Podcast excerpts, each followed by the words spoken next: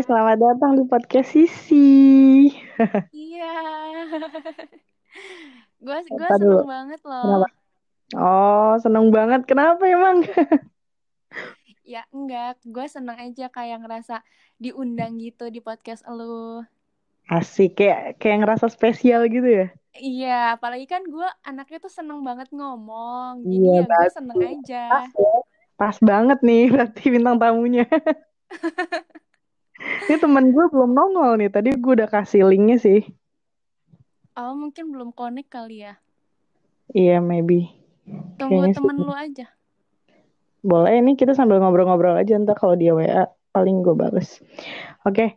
Eh, Devri apa kabar Devri? Perkenalkan diri dulu ayo. Oh, kita kan sudah kenal. Enggak, ya kan pen- pendengar gue emang pada kenal lo. Oh iya iya. Emang ini kita teleponan via WA. Hai pendengar podcast Sisi, kenalin gue Devri Santiasa, tapi kalian cukup panggil gue Devri aja.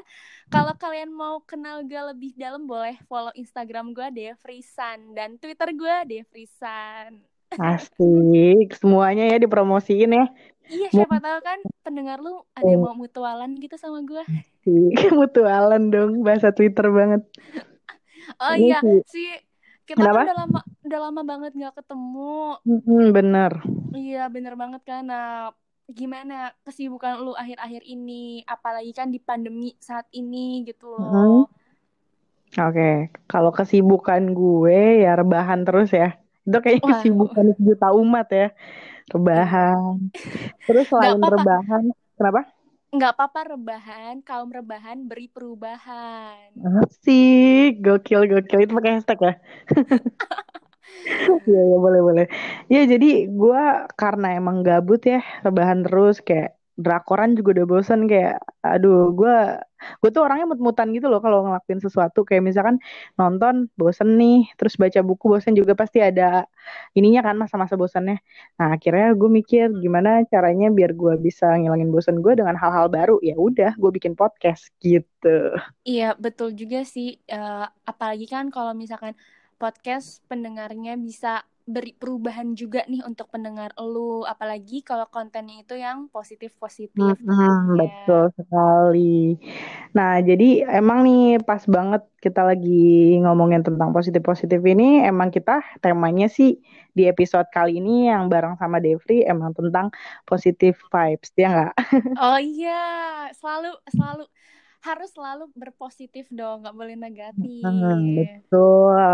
Kita tuh eh, emang sih kadang-kadang kan diri kita emang nggak selalu ngerespon hal-hal positif ya, karena emang kan terkadang emang susah sih untuk nerima, karena emang ya namanya juga kita hidup di dunia yang notaben banyak banget orangnya ya nggak sih berbagai macam karakter dan segala macam. Nah itu yang membuat kita nggak gampang untuk berpositif. Cuman ya se ya kita usahain lah ya sedemikian mungkin untuk ya udah kita positive thinking aja. Jadi apa pun yang kita dapet masalah apa yang kita dapet yang kita alamin ya mau nggak mau kita harus positif. Karena emang kalau otak kita udah ngerespon dengan positif pasti bakalan ke sana sananya bakalan lancar ya nggak sih Iya betul. Eh, jadi gini loh, misalkan di diri kita tuh harus pondasinya tuh harus yang negatif. Kalaupun emang iya kita berpikiran negatif ataupun kita melakukan hal-hal negatif, itu tuh nggak boleh dipupuk gitu loh.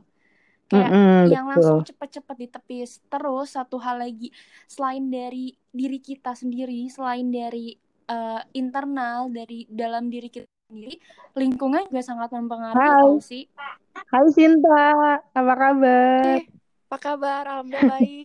Sisi gimana Oke, di- baik banget. Nah, di sini guys udah ada tiga, eh eh, tiga ya tiga orang nih, gue, Sinta dan Devri. Oke, Sinta, perkenalan dulu dong. Ini Devri, kenalin temen gue. Hai, Ya, hai Devi.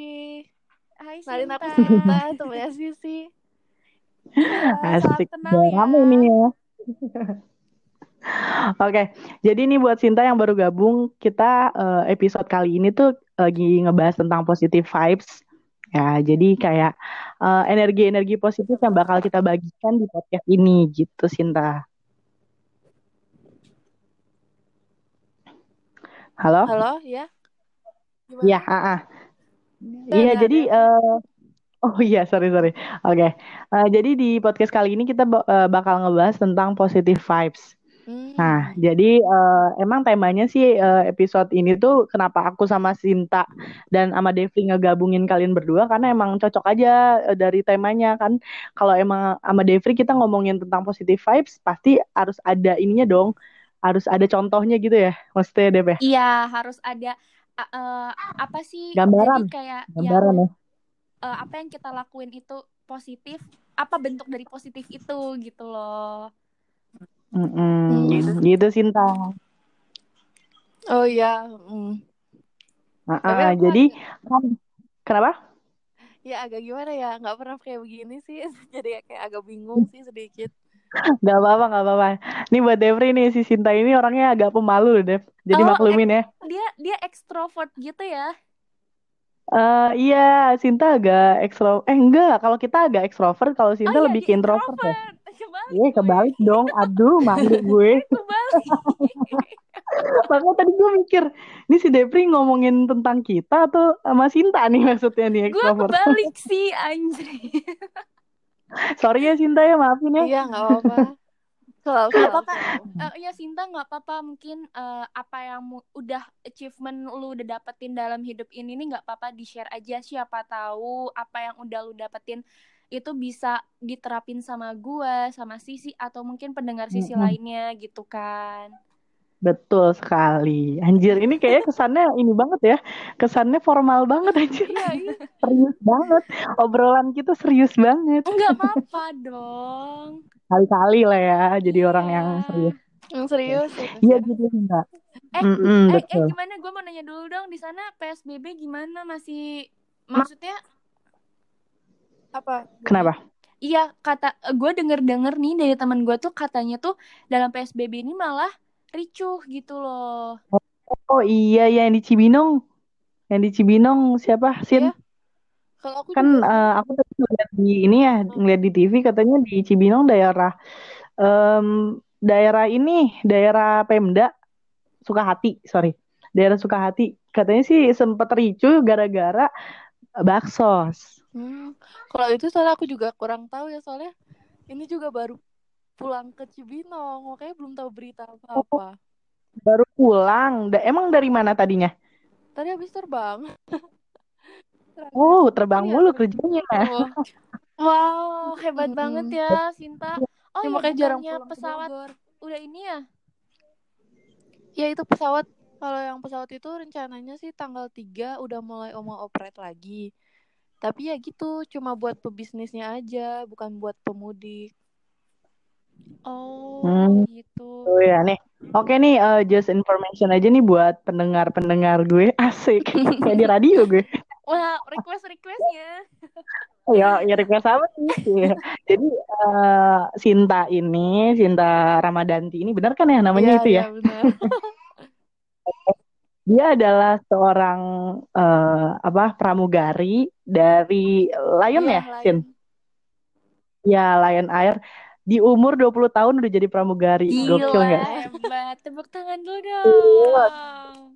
Ya, tepuk tangan nih gimana tepuk Gimana tangan gue. Enggak lah, biasa aja. Ayo deh tepuk tangan. Tepuk tangan. Alhamdulillah. Anjir. Hebat banget Iya. Cinta bisa share gak sih? Sumpah ya dulu waktu gue pengen lulus S- pas udah lulus SMA, gue tuh pengen banget jadi pramugari walaupun di kereta api doang. Tapi Asik. tinggi gue tuh gak mau tangan gue tuh pendek. Iya, iya, iya, iya. Iya, berarti di eh, kendalanya di Di- fisik iya. berarti ya? Iya, betul. Oh ya Sinta, gue mau nanya dong, kalau misalkan jadi pramugari itu menuntut kita untuk sempurna gak sih? Ya kayak contohnya kita harus tinggi, ya kan? Kulit mulus, bersih, putih gitu loh. Kalau Tapi, iya, huh? kenapa? iya, tapi kalau misalkan emang iya fisiknya tidak memadai, itu bagaimana Sinta? Tapi eh, akademiknya dia bagus gitu loh. Hmm. Kalau menurut tuh, aku Sin? pribadi nih ya, eh, fisik sih emang ya namanya kerja di jadi apa ya? Jadi ujung tombak gitu loh, kayak garis terdepan gitu ya. Ya otomatis kan fisik harus Hmm. dimajuin juga, tapi di samping itu otak juga harus harus balance gitu. Gimana ya? Mm, Bener-bener betul Jadi banget nggak itu. nggak cuma cantik tapi dia juga harus pintar gitu. Kalau aku begitu. Harus punya otak, iya Iya. bener. Iya, soalnya kan gini ya, ja- di zaman sekarang ini nggak lo lo lo semua tuh nggak hanya apa sih jual tampang Iya doang ya benar. nggak sih? Nah itu. Tapi, ah, ah, tapi lu juga harus punya otak. Soalnya kebanyakan juga kan orang yang ngandelin mukanya aja, ngandelin fisiknya. Emang nih gue cantik gitu. Dan dia sadar kalau dia cantik. Tapi ternyata nggak balance sama otaknya. Nah itu sih Hmm, kalau iya. menurut gue kayak kurang aja, Selain nggak ya? sepaket selain gitu loh. selain selain isi kepala gitu, selain isi kepala mungkin skill juga dibutuhkan ya, kemampuan. Iya kemampuan juga. Hmm. Tapi Eh, sebenarnya kalau bisa bisa share nggak sih gimana cara untuk daftar pramugari, gimana bisa lolos, apa aja usaha-usaha lu yang udah lu lakuin gitu. tapi sebenarnya gini nih ya. Aku eh, waktu daftar pramugari itu tadinya cuma bukan yang sombong sih ya. Kayak cuma Mm-mm. iseng doang gitu. Oke. Soalnya Heeh. aku di situ nganggur tiga bulan. Setelah lulus aku nganggur tiga bulan nyari kerja, tapi nggak ada yang kayak yang yang terima gitu nggak ada. Terus jadinya kayak dap- ada lowongan dari kakakku ditawarin coba nih daftar pramugari. Awalnya juga pesimis kayak ah masa iya bisa gitu kan ya. Tapi dari Mm-mm. situ kayak yang ya udahlah dicoba dulu. Terus kayak misalkan aku di situ mulai nurunin berat badan aku. Tadinya tuh aku 60 kilo kalau nggak salah. 60. Iya. Hmm. Terus Iya, itu iya. aku turun jadi 56. Terus habis itu aku coba daftar pramugari. Daftar pramugari ya alhamdulillah karena mungkin lagi membutuhkan juga itu Mm-mm. kalau menurut aku pribadi itu tesnya aku juga agak bingung. Karena di tesnya cuman kayak dites, dokumen disiapin, terus habis itu nanti kita disuruh baris. Terus nanti di situ juga ternyata ada penilaian. Nah, di situ juga banyak yang nggak lolos di penilaian itu. Padahal kita cuman kayak disuruh kayak apa ya? Perkenalan, perkenalan kayak nama, tempat tanggal lahir, asalnya dari mana, kayak gitu aja sih sebenarnya. Cuma dari situ juga banyak yang nggak lolos. Terus setelah itu udah dari situ nunggu seminggu tes lagi langsung ke Pantuhir. Jadi langsung ketemu sama eh, HRD-nya langsung. Nah, pas di bagian HRD itu juga kita cuma dites disuruh baca banner. Nah, udah kayak gitu doang. Ternyata di seleksi Oh juga. gitu. Diseleksi juga. Tapi kayaknya eh, mata itu kalau untuk mata nih ya Iya. Sin, itu kayaknya paling utama nggak boleh minus ya berarti ya pas disuruh baca banner itu berarti dia ngetes mata dari situ Iya, kan? bisa jadi dia ngetes mata dari situ. Tapi kalau Oh untuk gitu. mata minus aku juga kurang tahu soalnya teman aku juga ada yang minus. Tapi dia lolos gitu. Hmm, Mungkin ada. tapi pakai soft lens kan Iya, ya? mungkin dia pakai soft lens ya. Iya. Hmm, Terus itu dari oh. situ setelah pantuhir aku nunggu seminggu lagi buat ke langsung ke ini kalau nggak salah aku langsung langsung udah di di apa ya kayak diarahin buat tes med tes medik iya tes medik tes kesehatan di balai kesehatan itu di situ baru aku ngeluarin uang buat bayar tesnya itu sekitar 2 juta Mm-mm. Iya Oh doang gitu. Jadi pas eh, apa? Pas kamu tes kedua itu tuh kamu ngeluarin iya duit buat masuk situ. Eh, sebenarnya sih bukan buat masuk situ Hmm. kan ada tes kesehatannya gitu ya jadi itu nggak Oh ditanggung iya iya sama iya. lainnya Heeh.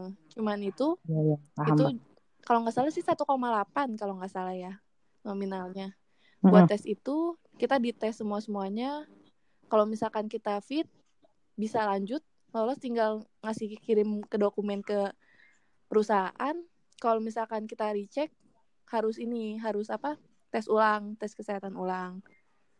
Dari situ udah ya Oh. alhamdulillah kan fit nih ya udah tinggal ngirim berkas ke perusahaan terus nunggu seminggu lebih kalau nggak salah itu nunggu seminggu lebih buat masuk lagi ke mesnya buat pendidikan terus di situ tuh ya Oh, tapi kalau untuk ini, apa Sin, kalau untuk mes gitu, misalkan kamu awal Mm-mm. masuk nih, awal masuk udah keterima, terus untuk mesnya sendiri itu ditanggung sama iya. perusahaan atau kita bayar? kalau untuk mesnya Oh, ditanggung sama ditanggung. perusahaan. Semua semua semuanya. Jadi kita dapat Oh, mes itu udah ada perlengkapan juga udah.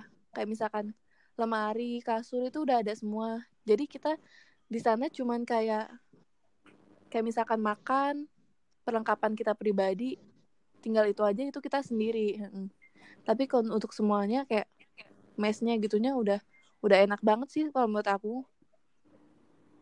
Hmm, gitu. Iya. Ngerti gak, Dep? Iya, selama ini gue bilang ngerti sih. Cuman gue kepo banget nih, Sinta udah terbang ke mana aja, Sin? Kalau untuk terbang, alhamdulillah sih untuk Indonesia, alhamdulillah udah semua. Kalau untuk wow. luarnya baru ini wow. aja sih, baru Kuala Lumpur sama Malaysia. Eh Kuala Lumpur sama Malaysia. Malaysia sama Kuala Lumpur sama. Singapura. oh. sama Singapura udah. Cinta jangan grogi, iya, santai aja. Ini gak ada yang gak ada yang lihat kok. Tapi kalau misalkan kayak ke apa namanya kayak luar Asia gitu belum ya? Kalau untuk sekarang belum. Harusnya sih tahun ini dapat Cina ya. Tapi karena ada pandemik ini wow. jadi kayak mm -mm. ditunda. Ditunda ya. Dan mm -mm. harusnya juga gitu. bulan-bulan ini tuh lagi padat-padatnya harusnya. Karena kan banyak pemudik kan pastinya. Iya betul. Nah, adanya kasus hmm. ini jadi diliburin. Iya benar. Oke, bentar ya gue potong dulu sebentar. Nah jadi uh, eh, gue mau kenalin ini nih sin si apa si Depri nih. Hmm? Kan tadi baru kenalan kayak gitu ya. Nah di sini Depri bisa ceritain nih awal mula kenal Sisi gimana? Oh, gue kenal Sisi. Mm -mm. Jadi ceritanya tuh waktu awal kayak penerimaan mahasiswa baru di kampus BSI itu gue kenal di kampus. Nah hmm. gue kenal kak Sisi di kampus. Kebetulan kita sekelas kan ya sih ya? Iya, iya. benar terus kita satu gitu satu ya iya.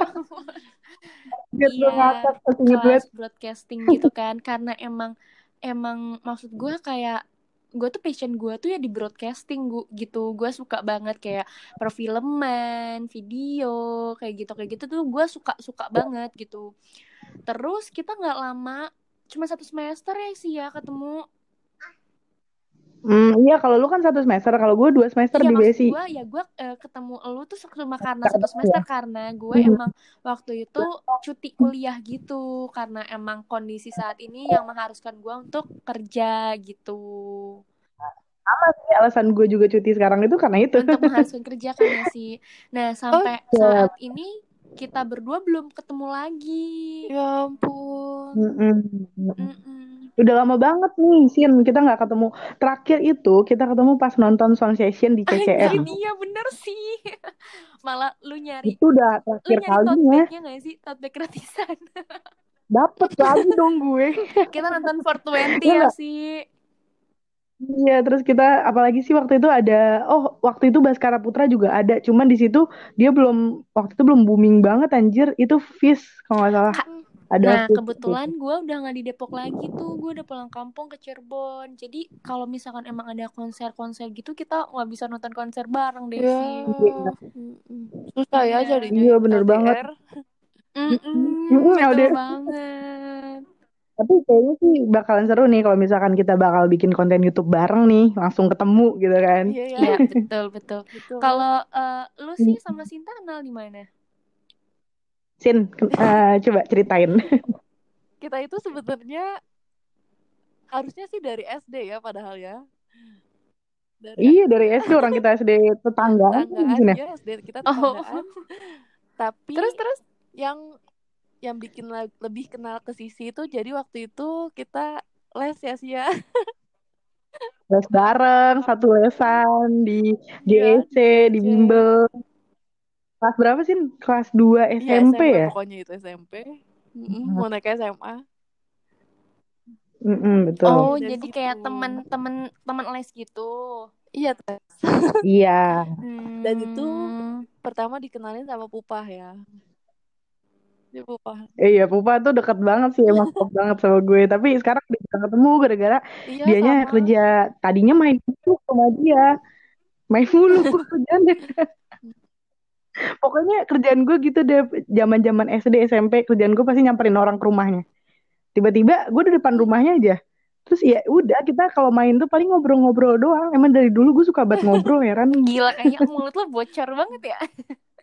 parah ya makanya gue dari dulu tuh kayak eh, kalau misalkan nggak ngobrol sehari itu gue aduh kayak hidup gue ada yang kurang gitu apa-apa sih kalau misalkan emang lu ngobrol tapi ada isinya gitu loh bermanfaat. Isi obrolan itu nggak apa-apa. Iya, jangan julid ya. iya betul jangan julid lu apalagi sana ma- eh, puasa kan. Itu beda server itu beda. Oh gitu. Beda beda. nah balik Aduh. balik ke topik dong sih. Gue gue nggak sabar nih mau ngebahas ini. Topik ya nggak sabar nih Devri. Excited banget. Iya, oke. Jadi eh, di topik ini kan ya seperti yang tadi di awal ya kita mau ngebahas positive vibes. Nah, tadi contoh gambaran, contoh yang kita lihat yang deket ini ya Sinta ya. Sinta udah sukses banget di umur 20 tahun. Ini menurut kita sendiri ya, menurut kita per- apa? Menurut kita berdua nih iya pribadi dengan umur 20 tahun udah bisa jadi pramugari itu adalah suatu pencapaian yang udah luar iya betul biasa. banget Ya? Alhamdulillah ya, Mm-mm. alhamdulillah. Alhamdulillah rezekinya sih yang ya. Aku juga sebenarnya nggak nyangka sih jadi pramugari gini. iya ini faktor keberuntungan juga Iya, sih bener. karena orang tuh bakal kalah Betul. sama Iya, keberuntungan bener banget. Iya benar. Mm-mm, soalnya eh, tadi juga pas sore gue bikin podcast sama anak-anak stand up Indo Bogor yang sekarang udah punya eh, kesibukan masing-masing ya, udah bukan anak stand up lagi dia. Cuman mereka merintis karir dari stand up tuh awalnya dari panggung ke panggung gitu. Dan gue udah kenal mereka dari ya belum jadi apa-apa gitu maksudnya kan. Nah, sampai sekarang mereka sukses. Nah, di situ mereka juga ngomong tadi. Ini nih faktor Iya. dari hoki Iya sebenarnya. betul karena karena kita tuh maksudnya semua tuh kalah sama keberuntungan gitu loh sepinter apa pun orang bakal kalah sama keberuntungan Ya. bener. Benar gitu. banget. nah eh, apa namanya gue gue pengen nanya sih sebenarnya sebelum gue kasih wejangan wejangan wejangan. Oke, udah berarti Depri udah nyatet nih banyak banget nih kayaknya wejangan enggak sih sebenarnya gue tuh kayak pengen nanya gitu aja. Kayak misalkan nih kalian tuh eh, ketemu sama orang yang toxic people gitu loh kayak yang racun buat kalian itu kan Iya, iya. bisa bisa ngebuat kalian tuh kayak negatif gitu loh kayak bisa ngubah eh, apa namanya sifat kalian Oh, juga bentar deh. kan Bentar, bentar. Itu lu eh, barusan yang ada bunyi gitu tuh itu dari lu atau dari Sinta deh? gue gak punya apa-apa Oh kayak eh, apa sih kayak deket banget ke speaker jadi napasnya kerasa gitu. Eh, bukan kerasa sih kayak bunyi gitu-gitu loh. oh iya emang ya gue emang oh Mungkin karena gue speaker kayaknya deh. malah gue udah jauh banget loh ini Enggak, jangan jauh-jauh juga maksudnya pasin aja soalnya kadang-kadang dia kalau ketekan atau kegeser emang gitu. enggak malah gue nggak Tapi nggak nggak- maksud gue nggak kayak gue sama handphone tuh lama Tadi barusan pas eh, Depri ngomong. Sekarang Oh, udah enggak jadi sih? gue lanjutnya nih Ya lanjut. Nah, iya ber- eh, kalian kan suka terkadang ketemu sama toxic people gitu yang bisa Hmm. ngubah maksudnya kayak ubah mm, sifat lu atau eh, pribadian kalian gitu loh. Gimana sih cara ngatasinnya? Gua gua kadang masih bingung gitu loh kayak misalkan wah, orang ini nih kayak nggak baik buat gue deketin nih. Kayaknya dia itu selalu Hmm. negatif nih. Itu kan berpengaruh buruk Iya. kan buat gua gitu loh. Paham nggak? Iya, oh, benar. Paham, paham, paham. Nah, gimana sih cara kalian? Soalnya gue jujur, gue pribadi tuh kayak masih bingung gitu. Coba mulai dari Sinta dulu kali ya. Kalau aku pribadi kan orangnya gimana ya? Orangnya lempeng gitu ya. Kalau di ini di kayak dikasih pertanyaan ya iya iya aja gitu. Terus apalagi kayak misalkan aku sekarang ini kan di dunia kayak gitu yang otomatis banyak kalau menurut aku yang namanya toxic people itu ya banyak banget Mm-mm. dan negatifnya Mm-mm. juga banyak banget. Jadi kalau aku pribadi untuk cara ngatasinnya gimana ya? Aku kalau misalkan kayak gitu tuh kadang suka inget aja gitu ke ke keluarga jangan sampai aku kayak mereka gitu. Kayak gimana ya? Iya, Hmm, iya, iya. benar-benar. Yang penting nggak apa-apa deket. Deket ya tapi, tapi- jangan jangan terlalu terjerumus kayak mereka gitu. Mm, jadi kayak Batasi membatasi lah ya, tahu Iya. tahu batasan gitu kan. Aku Hmm, main sama gitu. mereka tapi tahu batasannya gitulah istilahnya. Kalau apalagi iya, apalagi kalau Sinta kan banyak ketemu orang gitu ya, Iya ya. bener. Iya kan. Kalau lu pribadi gimana tuh sih? Oke, gue. Nah, kebetulan banget gue pernah ngerasain, Debri. Oh, relate ya sama Duh, lu. jangan. Relate banget. Ini gue pernah ngerasain, gue mama. Aduh, jadi malu ya. Jadi uh, gue ceritain inti poin aja ya, karena emang gue pernah ngerasain sebelumnya. Devri pun pernah tahu ya, karena gue sering baca curhat ke Devri kan kalau masalah-masalah kayak gini ya. Oh. Nah, Uh, iya belum lama pokoknya pas zaman zaman masih kuliah lah ya. Apalagi di kampus itu pasti banyak banget kan orangnya dan dari berbagai iya, macam karakter betul. ya nggak sih? Karena kampus itu kan tempat kita menyesuaikan jati diri juga dan tempat kita mencari jati diri juga. Nah di situ jati diri gue masih terombang ambing. Bener-bener itu peralihan dari masa SMK ke kuliah tuh nggak gampang Betul gitu kan. Kayak butuh Apalagi, beradaptasi lagi, kayak butuh Betul. butuh ya kayak transisi gitu loh. Iya Iya kayak kayak kayak ini deh kayak uh, lo lagi ngedit video itu kan gak, maksudnya kalau ada transisinya kan lebih halus kelihatannya ya nggak sih? Daripada tiba-tiba langsung gitu ke video selanjutnya tuh kayak tiba-tiba ng ngeliatnya juga kayak gimana gitu. Nah kayak gitu juga dulu gue. Jadi gue nggak bisa langsung beradaptasi. Nah pas awal-awal di gue di kampus tuh dulu oh. gue pendiam banget orangnya. Mau tanya Devi oh, di awal iya gue pertama kali masuk itu gue diem loh, oh. Dep. Enggak, enggak, bukan pertama kali banget. Yang pas gue zaman-zaman masih pacaran sama oh, tuh orang. Enggak nih. Enggak gini, gini sih, yang yang gue yang gua tangkap dari sisi itu gini, gini dia itu dia itu set, uh, dia itu pas ketemu sama uh, tuh orang dan menjalin hubungan jadi bukan sisi yang gue kenal. Jadi hmm, iya, betul. jadi dia itu tidak menerapkan apa yang sebenarnya ada di diri dia jadi dia menjadi orang lain untuk tetap deket sama hmm. tuh orang gitu. kalau menurut gue sih. Sebenarnya bukan gitu sih. Uh, dia bukan untuk menjadi deket ya. Sebenarnya emang gue lagi down banget saat itu deh jadi gue tipe kalau orang yang mungkin orang-orang yang udah kenal sama gue dari lama tahu uh, gue kalau misalkan lagi banyak problem lagi ada masalah gue berubah 180 derajat gitu. Mm. nah itu yang waktu gue jadian sama dia gitu itu posisinya gue lagi banyak banget pressure ya. Ditambah lagi gue baru kuliah ya kan. Kan tugas banyak. Itu bener-bener ih pusing banget satu ya kan. Kedua tiba-tiba dia udah bilang suka dan bilang kayak um, apa sih kayak mengharuskan kita untuk menerima dia gitu loh iya iya paham paham, paham. Saat itu dia sahabatan sama teman-teman gue nah di situ gue juga nggak enak kan akhirnya gue daripada gue dipikir jadi orang yang sok cantik lah nolak orang dan segala macem akhirnya gue nyoba yaudah jalanin dulu aja hmm. gitu loh niat gue nah taunya pas sudah jalanin dulu aja sering berjalannya waktu tiba-tiba gue ngerasain kan nyaman dan segala macem nah itu awalnya terus tapi ke sini sini gue nggak menemukan jati diri gue malah merubah gue jadi orang lain nah, gitu loh itu emang gue padahal sih. tapi gue nggak merubah diri gue demi dia itu ya maksud gue yang tadi gue lurusin ke lu. Kan tadi kata lu uh, gue berubah karena untuk masih tetap dekat sama dia gitu kan. Nah ini sebenarnya salah. Jadi gue waktu itu berubah karena emang kondisi gue emang lagi kayak gitu. Pas banget jadian sama dia kayak gitu nah, loh. Nah gimana gimana cara lu uh, uh, antisipasinya itu loh Oke, antisipasinya. Nah, di saat itu kan gue udah nyoba ya sebulan bareng-bareng sama dia kan. Nah, sebulan itu ternyata gue nggak nemuin kecocokan sama dia dan uh, malah gue makin parah gue ngerasanya kan.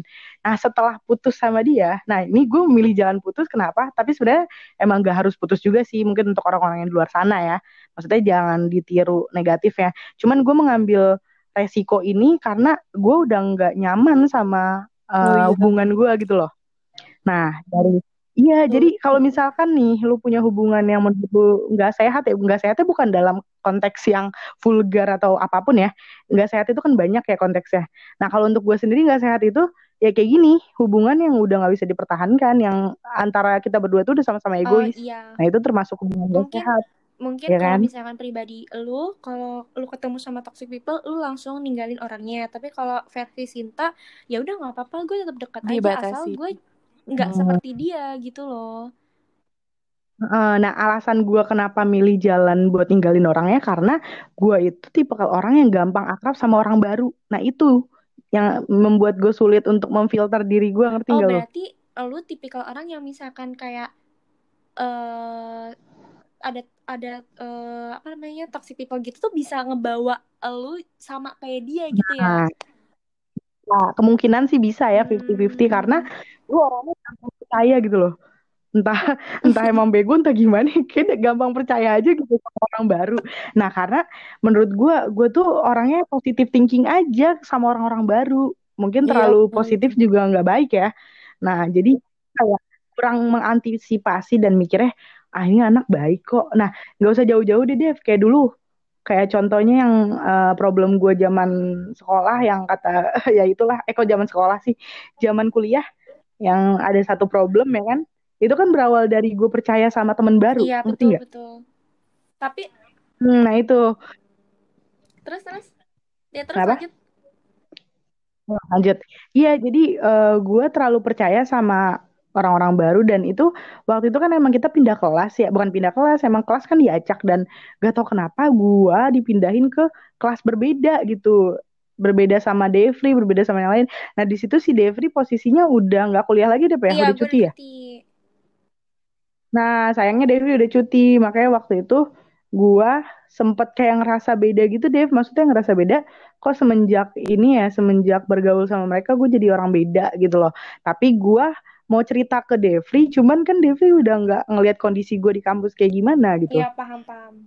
Nah di situ agak galau banget sih dan alhasil gue ceritanya tuh ke teman sekelas gue yang di kelas baru nah, itu iya, gitu kan. Mungkin nah, mungkin itu mungkin dari kisah sisi atau misalkan dari pendapatnya Sinta gitu yang gue tangkap itu kita kita tetap terus terus untuk berpositif tetapi harus berpagari uh, diri kita sendiri. Hati -hati gitu loh harus uh, harus Benar. apa ya jangan terlalu percaya sama iya. orang gitu loh tapi ya harus harus uh, harus menjadi uh, energi positif buat orang lain gitu loh. Iya, benar gimana ya? Kita harus iya, positif tapi kita juga harus berpa uh, memagari diri kita sendiri iya. gitu loh. Iya gitu sih sebenarnya. Kayak Iya, makanya uh, kejadian-kejadian yang udah lalu, yang udah pernah gue alamin, gue jadiin pelajaran aja. Mungkin emang karena gue orangnya terlalu terbuka, ya, gitu satu kan yang bikin gue ya. jadi uh, Iya, gampang percaya, gampang terbuka itu gampang banget lah buat orang uh, rencanain sesuatu buat diri kita gitu kan. Akhirnya makanya sekarang udah mulai meminimalisir lah untuk Eh, nggak uh, terlalu akrab sama orang-orang baru. Kalau menurut gitu. gue nih sih, kayak misalkan kita kenal orang baru, ya udah cukup sekedar say hello gitu-gitu aja. Mereka nggak perlu hmm. tahu kita di belakang layar. Gitu sih. Iya, Kalau misalkan gue, gue itu bisa memfilter mana sih yang patut jadi pendengar baik buat gue. Selain pun untuk pendengar baik, itu juga kan butuh juga solusi yang uh, apa namanya bagus gitu loh. Selain lu sabar ya. Selain uh, maksudnya kayak sabar itu klise hmm. banget gak sih? Kayak ya udah gue gue iya, gak cerita bener, ke lu gue juga udah sabar. Udah, udah sabar, gue udah sabar. iya, ya jadi gitu. Jadi lu harus bisa memfilter mana sih yang perlu lu ceritain ke orang mana sih yang perlu uh, orang itu nggak tahu gitu loh. Karena kita itu butuh namanya pendengar yang baik. Terus orang yeah. itu bisa nggak ya kasih saran yang baik buat kita kasih masukan yang uh, buat kita tuh jadi kuat lagi gitu. Bisa harusnya bisa memfilter dari kejadian-kejadian yang udah-udah gitu hmm oke okay, oke. Okay. mantap ya. Jangan jangan dari biasa itu baru itu baru itu awal. baru awal itu ya? baru awal. Belum keluar semua. Gokil gokil. Terus apalagi nih Dep yang bakal kita omongin ya, nih? maksud gue kayak nah selain berpositif kadang kita juga suka di titik titik rendah kita nggak sih? Ya kan Sinta? Iya kadang kamu ngerasa nggak? Kadang Betul, kalian ya. kalian berdua deh kalian berdua suka ngerasa nggak sih? Kayak misalkan nih semua orang lah semua orang itu memiliki masalah ya kan? Karena manusia hidup ya untuk menghadapi masalah-masalah. Nah cara untuk mm -hmm. healingnya tuh ya ya dengan cara gimana sih?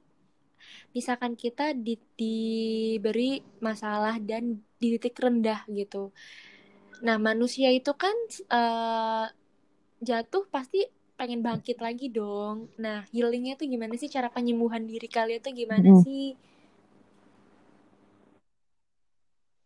Kalau aku Hmm, ya, Cinta, Cinta gimana, Sin? ini ini Cinta duluan, bukannya coba. gimana-gimana. Tapi yang Mm-mm. pertama itu pasti aku sholat dulu. Aku sholat, aku ya Mm-mm. Berarti lebih ya lebih yang ke agama diutamain dulu itu ya yang dikuatin. karena aku juga orangnya kadang suka tiba-tiba nangis. Hmm. Aku juga nggak ngerti masalahnya apa gitu ya.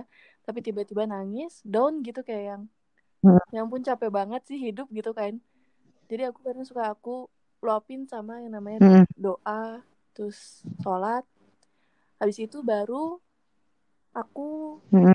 sekarang kan aku udah ada pacar lah istilah gitu ya karena aku juga curhat Wah. gitu iya ya alhamdulillah gitu ya aku sekarang Iya, udah iya. bisa curhat lah gitu ist- istilahnya ada orang yang mau dengerin gitu kan Hmm. lain keluarga ada dia gitu jadi aku Mm-mm. kadang suka curhat ke dia capek gitu aku kadang suka bilang gitu ya tapi itu kadang dia juga cuma bilang sabar Iya sih, emang kalau cowok tuh emang nggak Iya. pandai untuk ini sih kebanyakan sih ya, nggak bisa untuk iya bener eh, Iya, ngasih kadang, saran yang kadang gini lebih loh, ampuh kadang gitu ya gini loh, dibanding kayak misalkan nih kita cerita sama orang.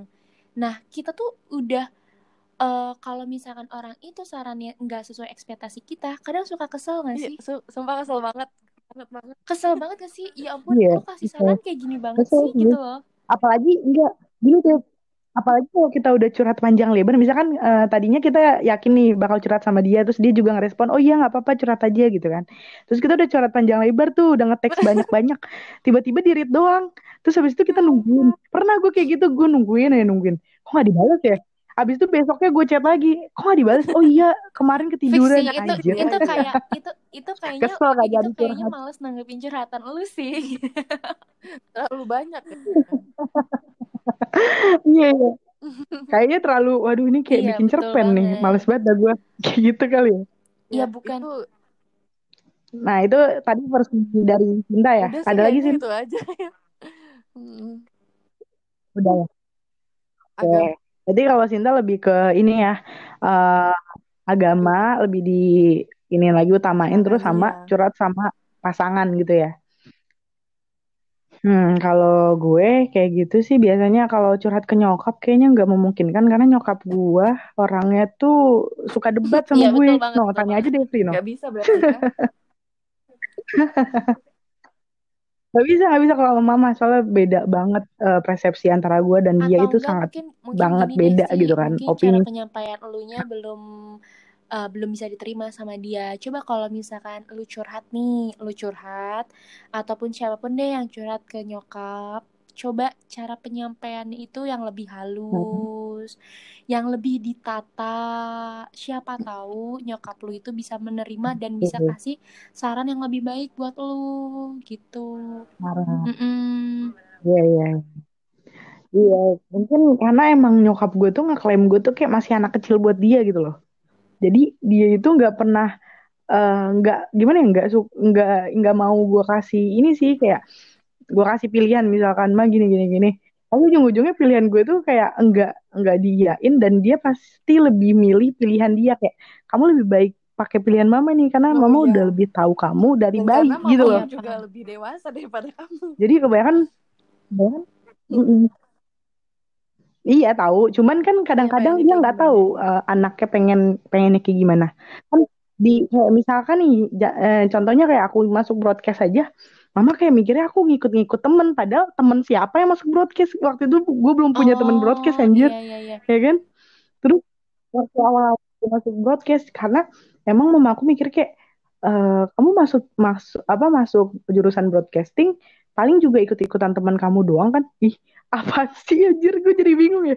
Lah jadi kayak respon orang tua gue itu kayak Ya, setengah-setengah mendukung gitu lah gitu ya. Nah terus kalau misalkan gue curhat tentang ya kurang dukung. Terus kalau misalkan gue kan emang suka banget ya di dunia seni kayak gini misal lebih ke mungkin podcast atau bikin video edit atau segala macem. Jadi pas gue cerita ke dia kayak eh, ngebanggain diri gitu loh ma tadi habis bikin video nih gini gini gini. Terus responnya kayak hmm ya udah gitu doang. Kadang ya nah kadang kadang kita gue males dengan nenek gue gue lebih suka curhat tentang kegiatan gue tuh ke Hmm. nenek gue biasanya. Iya kadang gitu ya sih kayak misalkan eh respon orang itu nggak sesuai ekspektasi kita, ya kita suka kesel kan.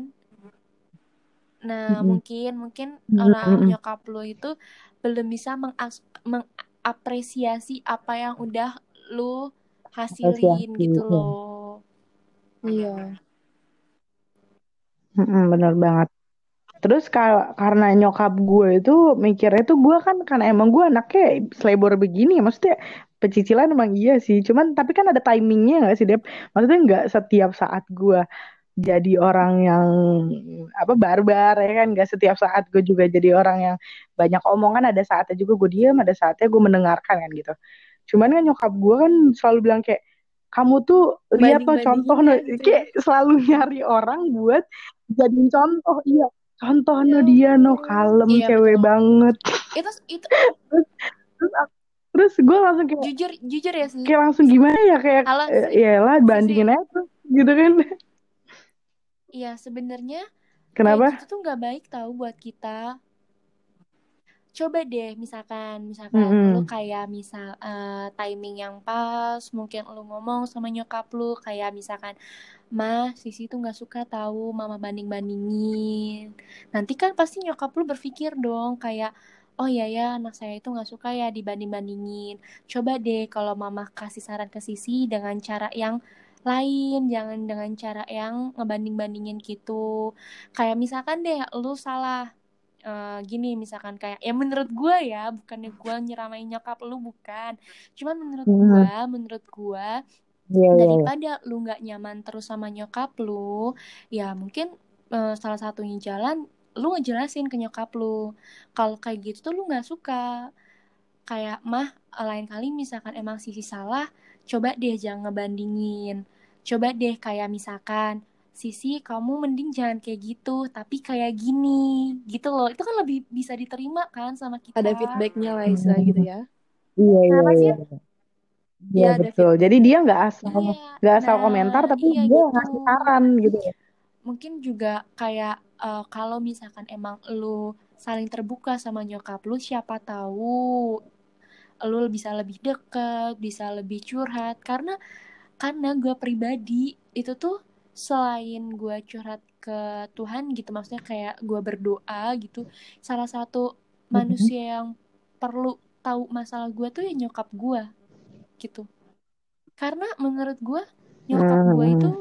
salah satu orang yang nggak pernah berkhianat sih karena lu mikir deh lu mikir deh kayak temen Iya. sedekat apa pun kalian sama temen kalian ketika kalian curhatin tuh nggak mungkin mereka nggak ceritain lagi ke yang lain kayak gitu nah nyokap itu tuh Hmm. adalah ah, salah satu Iya temen iya. yang iya. nggak pernah berkhianat sama kita gitu sih menurut gue Iya benar.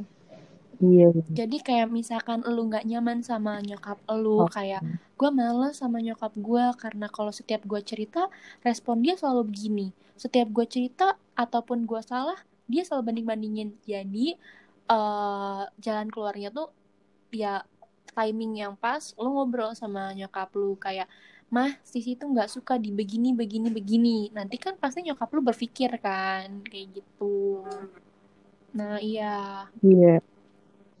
Oh.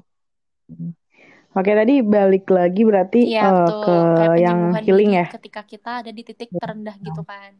Hmm. Oke, jadi eh, tadi kan kalau misalkan untuk saat ini untuk cerita ke nyokap, kayaknya gue emang nggak bisa ya karena nyokap gue kan lu tahu sendiri tadi alasannya kayak gitu. Nah, jadi pelarian gue untuk healing myself itu lebih ke ini sih, ke ngelakuin hal-hal yang bikin gue bahagia aja gitu. Contohnya, misalkan baca buku, ya kan? Gue kan punya eh, punya beberapa lah ya koleksi-koleksi novel yang masih bisa gue baca, gue baca. Kalau enggak gue bikin cerita sih di Wattpad. Terus juga kalau enggak gue nyari-nyari Oh apa iya, yang bisa gue kerjain maksud kayak gitu sih, Dev.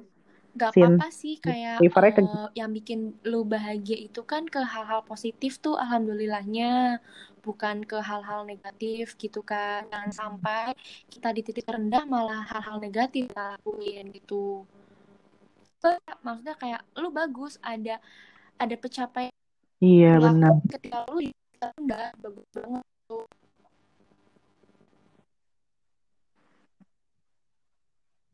Iya iya. Kalau Sinta gimana Sin? Lebih ke ini tadi ya? Lebih ke Udah Sinta. Eh, tadi Sinta belum ya? Baru gue ya? Udah. Eh, udah. Udah? Ya? Oh, udah. Eh, itu barusan sinyalnya atau gimana sih? Agak-agak Iya, putus-putus soalnya gitu di, deh suaranya. kalau di rumah aku hujan ini. Di Cibinong hujan. Iya. Eh, emang Oh, lu di mana sih? Kan bukan lu di Cibinong hujan ya? Di sini enggak sih. Oh, iya. Ih, gua nggak Lah, tahu. emang lu Udah nggak tahu ya? Lah, serius? Udah pindah, udah sebulan kali gue di Tangsel. Ih banyak banget kayak perasaan gue tiap siaran sama temen gue pada nggak tahu kalau gue udah pindah.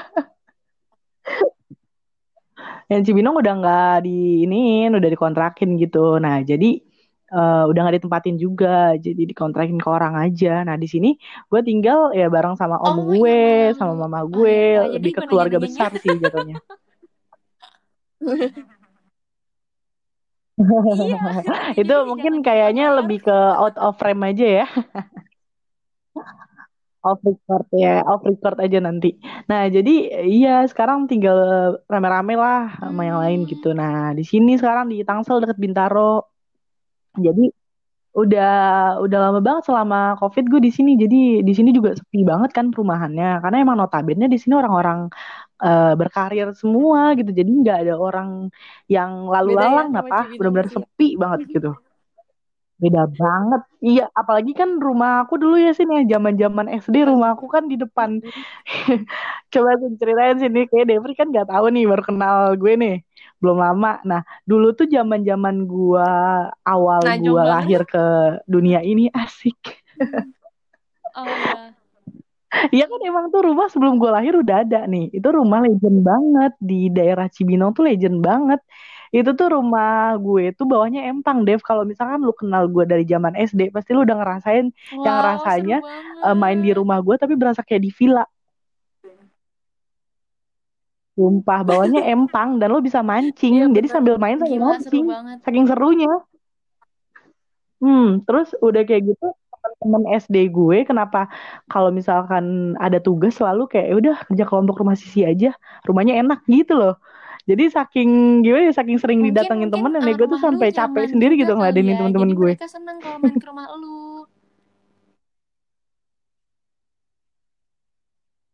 Iya, satu nyaman, adem. Karena kan emang rumah gue tuh bawahnya empang, atasnya kan rumah. Terus di depannya itu pekarangan rumahnya itu langsung empang juga tuh. Pertama kan empang nih depannya nih. Jadi backgroundnya empang semua dah. Nah, tapi selain empang ada ininya, ada kayak Oh ya, eh, paham apa sih taman-tamannya gitu loh di depannya. Eh, jadi nenek gue tuh selain punya empang dia juga punya kebun-kebun kecil gitu loh di depannya terus dia nanemin apa gitu tanaman-tanaman. Nah terus juga ada Hmm. tanaman yang buat makan ikan juga kan ada Berarti tuh yang ditanemin apa tuh. namanya? Daun apa bisa sih dikasih ke ikan dong. Nah itu dia semenjak gua kelas 2 SMK gua pindah rumah Oh yang ya tempat ya, kita paham. main itu Dep yang lu datang rumah gue. Nah, itu. Dan itu lumayan down sih dan eh, Dev itu titik terendah gue di saat itu karena Iya. eh, itu rumah kan peninggalan kakek gue ya. Jadi itu rumah warisan gitu loh. Peninggalan kakek gue. Nah, terus nenek eh, jadi gue kan tinggal sama nenek jatuhnya. Gue tinggal sama nenek, menyokap juga. Terus eh, emang udah biasa bareng-bareng kan ya di rumah itu gitu loh. Akhirnya kita mencar tuh, Dev. Gue mulai mencar. Setelah itu rumah dijual, nyokap gue tinggal sama gue. Terus eh, nenek gue sama Oh. tante gue tinggal di Bekasi. Nah, tuh rumah dijual. Nah, yang tadinya gue biasanya diurus sama Tapi nenek gue dari? TK Maksudnya sampai eh, lu gede, gue diurus sama nenek sama gue sampai karena nenek Oh gue gitu. pengen Nah, tinggal di Bekasi, nyokap gue gak mau. ke Tangerang Jadi kayak beda pilihan gitu loh. Karena eh, nyokap gue pengen bareng-bareng sama adik-adiknya gitu. Kalau di situ kan sendiri gitu sama gue doang gitu kan. Kalau di sini kan keluarga gue lebih banyak gitu. Terus juga dari Tangsel ke Bekasi juga nggak begitu jauh ya ke rumah nenek gue. Jadi dan tambah lagi gue kan udah kerja di Jakarta. Jadi nyokap gue bilang daripada nanti kita Oh, bolak-balik, eh tapi kamu bolak-balik, eh, mending kita pindah rumah Kalau aja Sinta gitu. itu sering pulang sih atau misalkan di mes gitu? Kalau aku ada mes, iya. Jadi disediain mes pulang? itu. Jadi paling aku pulang ke pulang ke Cibinong itu kadang ya tergantung ini juga sih tergantung jadwalnya gimana. Kalau misalkan endingnya masih siang masih sore aku pulang ke rumah. Kalau udah tengah malam pulangnya ke mes. Ya biasanya dua minggu sekali lah. Paling paling lama sih sebulan kemarin nggak pulang. Wow, sampai sebulan ya. Sebulan, iya. Karena capek juga. Iya sih, lumayan. bolak-balik gitu kan. Hmm. Dan kalau di mes juga kan udah ada transportasi, jadi udah ada yang antar jemput. Enak lah istilahnya gitu kalau di mes. Oh, jadi Eh tapi ngomong-ngomong tuh lu masih kalau di Gramet gak sih, Dav? Gramedia itu kan eh, ini ya apa namanya eh, sistem kontrak gitu. Nah, kebetulan tuh pas gua pengen diperpanjang kontrak, Mm-mm. ada pandemi kayak gini gitu. Iya, jadi kondisi saat ini yang tidak memungkinkan, Oh, ya kontrak oh gua nggak gitu. dilanjut. Emang lu belum tahu ya? ya? Oh, oh iya ya, gua kira gua kira gua Belum, kan pernah kita cerita udah jarang lu gitu. anjir. Iya, jadi gitu sih. Kalau lu kerja di mana di Jakarta? Iya.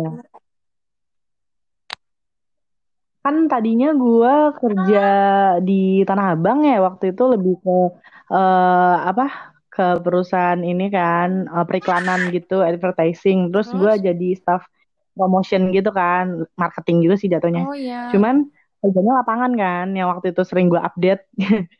Ya kayak gitu. Ah, dan kerjanya itu nggak di kantor, jadi di lapangan terus dan lapangan itu titik-titiknya di mall, terus di tempat-tempat keramaian lah kayak gitu kan. Nah, Abis itu gue resign karena gue nggak kuat kerja lapangan. Gue kayak ngerasa capek aja anjir kerja lapangan karena sebelumnya belum pernah kan. Kayak gue nyoba kerja di situ ternyata ini bukan passion gue gitu loh. Padahal seru kerjanya gitu loh. Cuman kayaknya bukan passion gue deh. Ya udahlah. Akhirnya gue resign karena gue juga eh, sebelumnya sebelum resign gue pikir-pikir dulu kan sebelum resign terus pas gue udah mikir-mikir kayak lebih baik gue ini aja deh gue nyari kerjaan yang lain gitu. Nah kemarin pas udah mulai corona sih sebenarnya cuman belum parah-parah amat ya. Itu gue interview di s- eh, di Sudirman Center ya, Sahid Sudirman Center di daerah Jakarta, Sudirman. Waktu itu gue dapet lowongan gitu kan, terus eh, katanya lagi butuhin staff eh, marketingnya juga gitu, gitu kan. Terus gue iseng nyoba ke situ, diterima fingerprint malah disuruh. Oh, kenapa kenapa? gitu. Suara lu putus-putus. Ah, putus-putus. Iya, Kalau putus Cinta putus ini. masih Iya. putus-putus juga di gua di Sama. gimana? Iya, di aku juga putus-putus. Udah belum? Udah Udah ya? Udah, udah. Udah, oke. Tadi sampai di mana lu denger ya? diterima. Oke, diterima ya. Diterima. Nah, jadi kan eh, itu daerah Sudirman. Nah, terus waktu hari pertama interview itu belum terlalu parah tuh coronanya. Nah, di situ gue masih berani lah ya pergi interview.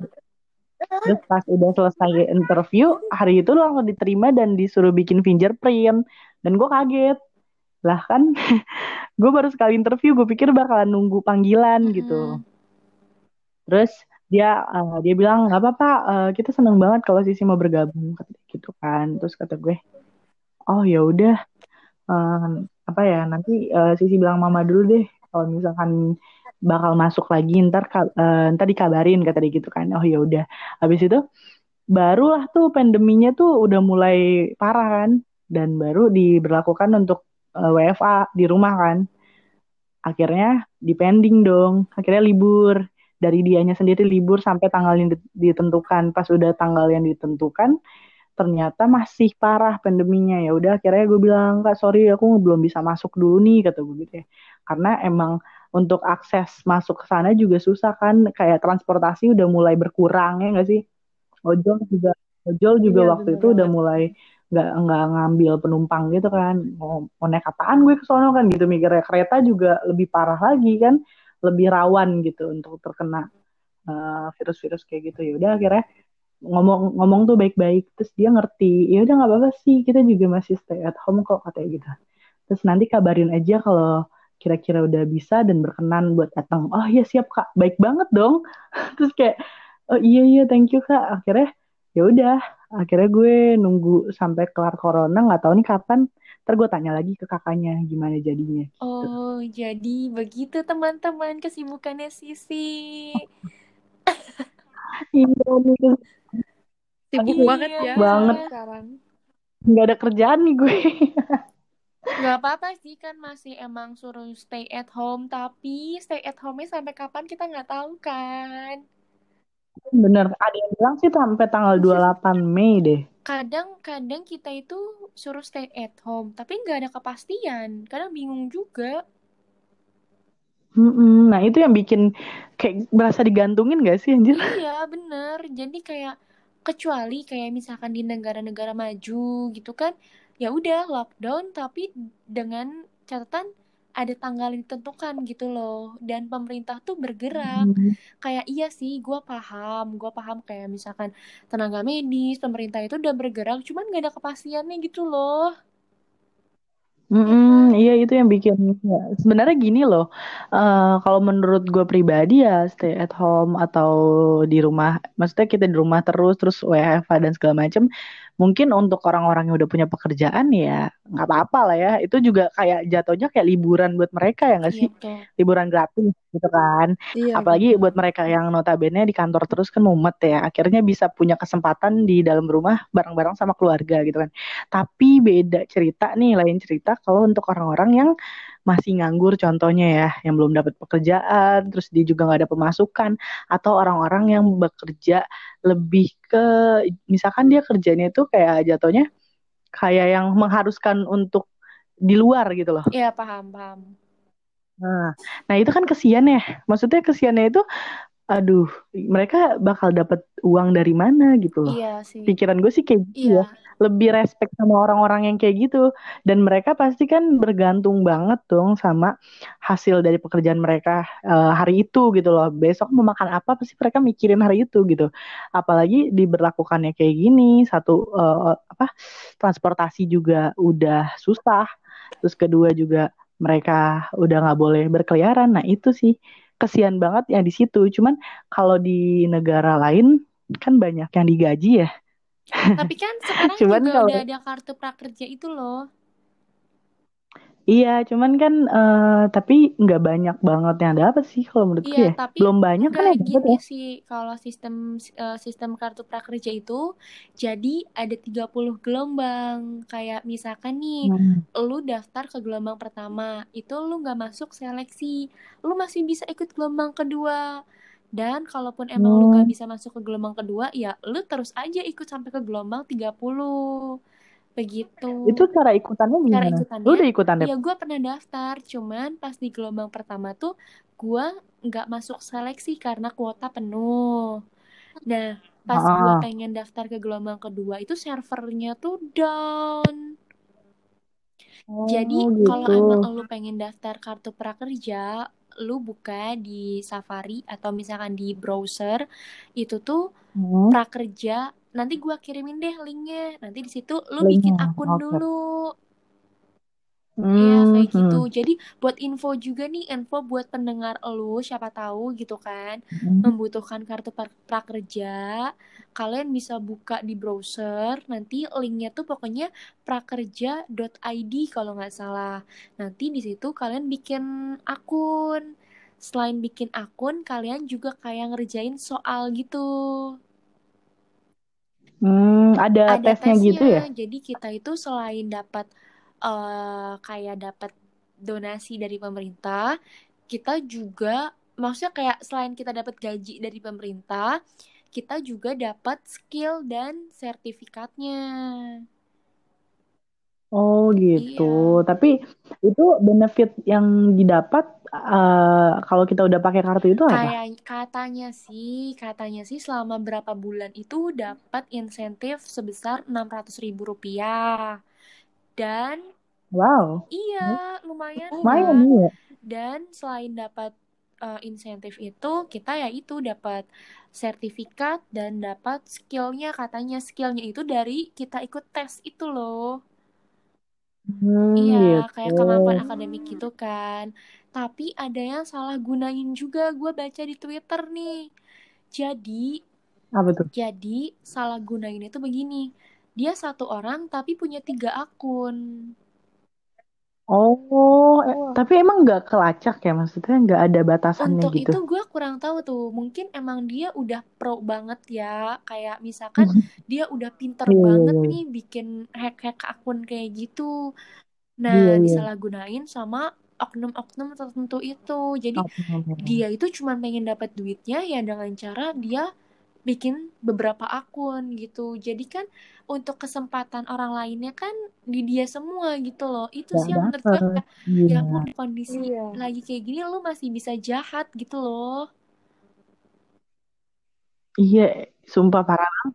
Egois Iya gila kayak eh, emang sih emang sih dalam kondisi saat ini kejahatan tuh banyak banget kayak waktu itu temen gua kehilangan motor.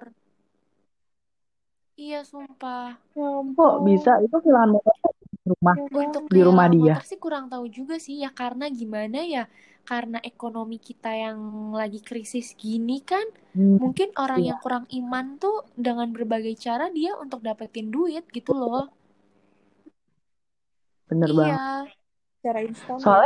Ini ditambah lagi kan satu eh, emang orang kan nggak bisa ke mana-mana nggak bisa kerja, terus juga orang nggak punya ekonomi yang cukup, terus kedua juga ini udah mau Iya lebaran gitu bener. loh.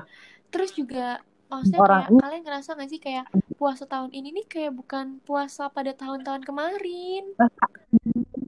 Beda banget, beda beda banget. beda banget banget. kayak 180 derajat. kayak hari biasa, kayak hari-hari Iya biasa aja bener. gitu ya, kayak bukan Ya puasa. kayak contoh kecilnya biasanya kita ada obrok-obrok, ini nggak ada obrok-obrok. Kalian tahu obrok-obrok kan? Iya, bagus. Apa bro Sinta bro? tahu nggak Sin? Lu tahu nggak sih? Nggak tahu. Iya, Bangunin sahur obrok-obrok bukan sih? jadi kayak yang eh, keliling kampung gitu loh. Ya, sahur, Keliling sahur. kampung Iya. untuk bangun-bangunin ma- warganya gitu. Oh. Kayak Yang sahur, bocah-bocah sahur, kecil deg deg biasanya. deg deg gitu loh. Nah, iya. Mereka kan keliling Iya ya, nggak gitu, ada. sambil ini kan Nah bawa-bawa iya kayak beduk ya. nggak ada obrok-obrok, tarawih nggak ada gitu loh. Jadi kayak ini puasa tuh kayak nggak puasa. Kayak ini tau gak sih? Kayak puasa, ngeganti Kayak puasa puasa yang bolong. Iya gak sih? Iya. Jadi eh, euforia puasanya Iya tuh nggak kerasa Tapi gitu. eh, maksudnya kayak ya semoga aja di kondisi saat ini nih hikmahnya yang kita petik banyak daripada mudaratnya kan. Hmm. Dan gue sih ya ampun gue selalu berdoa kayak ya ampun hilangkanlah virus ini dari negeri ini gitu secepatnya gitu loh. Iya, biar kita semua tuh Iya cepet bebas kayak lah ya ya. udah kayak eh, kesibukan seperti biasanya gitu. Tapi menurut gua dengan datangnya virus ini nih membuat orang tuh tersadar gitu loh. Kayak yang lebih takwa lagi Hmm. ke Tuhannya gitu. Kayak yang tadi maksiat jadi ketakutan. yang yang Iya, tadinya iya bener. Tapi kayaknya sih emang ini sih emang bumi tuh emang seharusnya tuh lagi iya bener istirahat kan. sih. Kayaknya emang ini masanya tuh bumi pengen banget istirahat dari Dan itu salah manusia. satunya. Terus yang Ya, biasanya jorok jadi Iya. sering cuci tangan gitu kan. Yang iya. tadinya deket-deketan Nah, jadi jaga jarak. Jauh-jauhan. Yang tadinya Iya. berdonasi sekarangnya malah berdonasi. Ya semoga aja dengan pandemi Mm-mm. kayak gini banyak hikmahnya sih. Rame banget siapa rame tuh? banget tuh. Iya.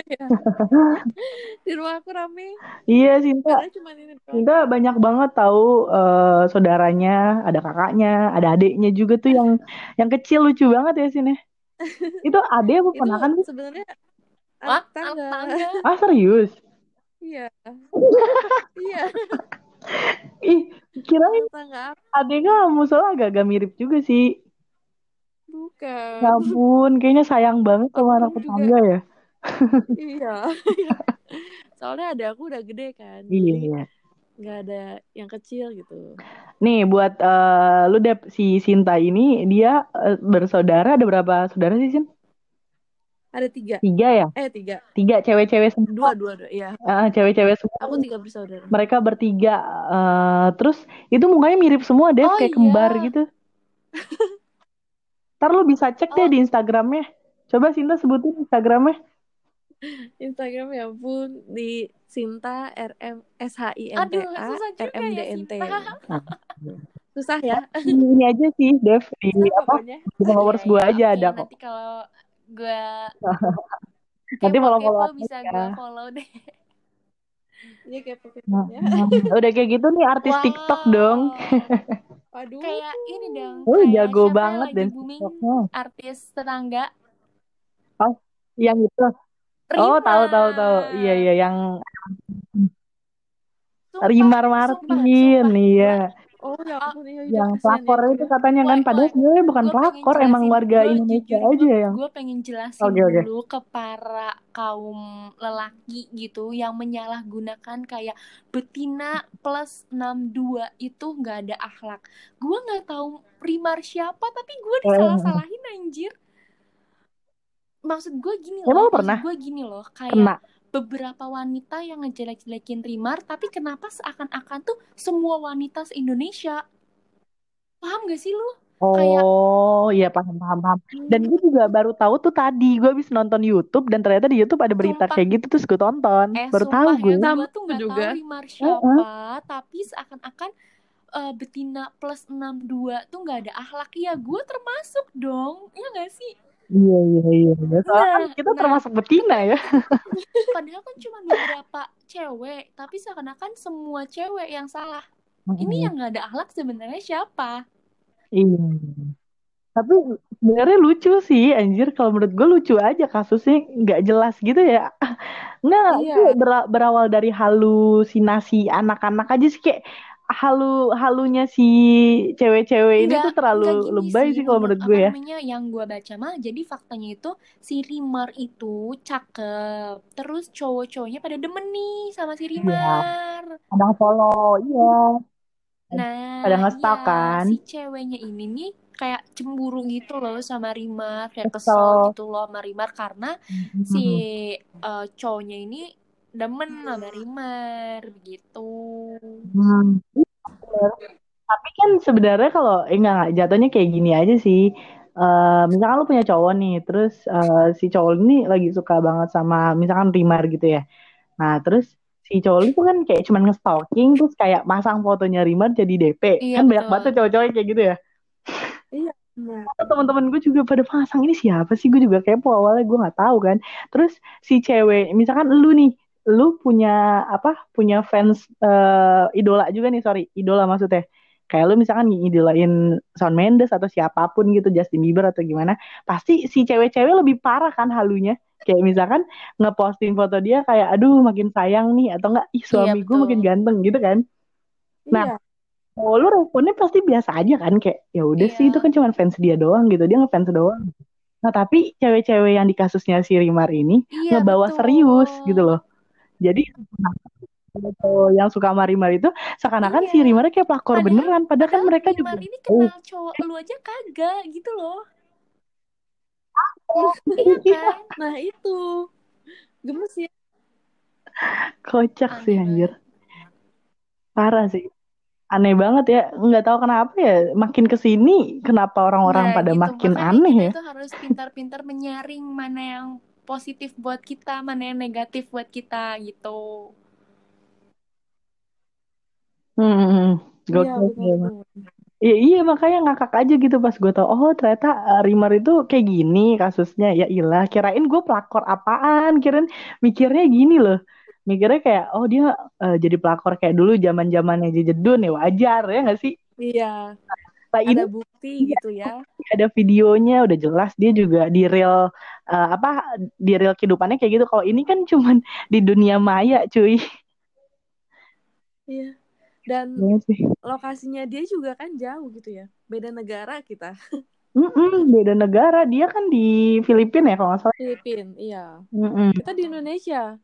Iya, dan nggak mungkin juga kan dia bakal ucruk-ucruk datang terus kayak hubungan lu gitu. Apa? Gokil. Ini Depri ke mana nih? Diem-diem baik. Gue pikir disconnect dong. Iya, iya, iya. Oke, mungkin eh, ada lagi nggak nih kira-kira yang mau kita bahas atau cukup sampai di sini aja? Jadi di podcast selanjutnya gue mau lagi kok jadi bintang tamu. Aduh, emang pengen nanya dari sini. Oke, thank you banget nih atas eh, waktunya ya buat Kak, Devri sama Sinta. Iya. Kasih Sisi. Hmm, mungkin next time kita bakal eh, kalau misalkan ada pembahasan yang seru, mungkin kita berdua bisa eh bertiga bisa Oke. eh, apa siaran ini lagi bareng-bareng gitu. ya untuk pendengar lu. Oke, see you. Amin. Iya. Oke. Amin. Amin. Ya, bye. Oke, thank you banget ya. Dadah. Dadah, Sinta. Dadah, Sisi. Dadah, Devri.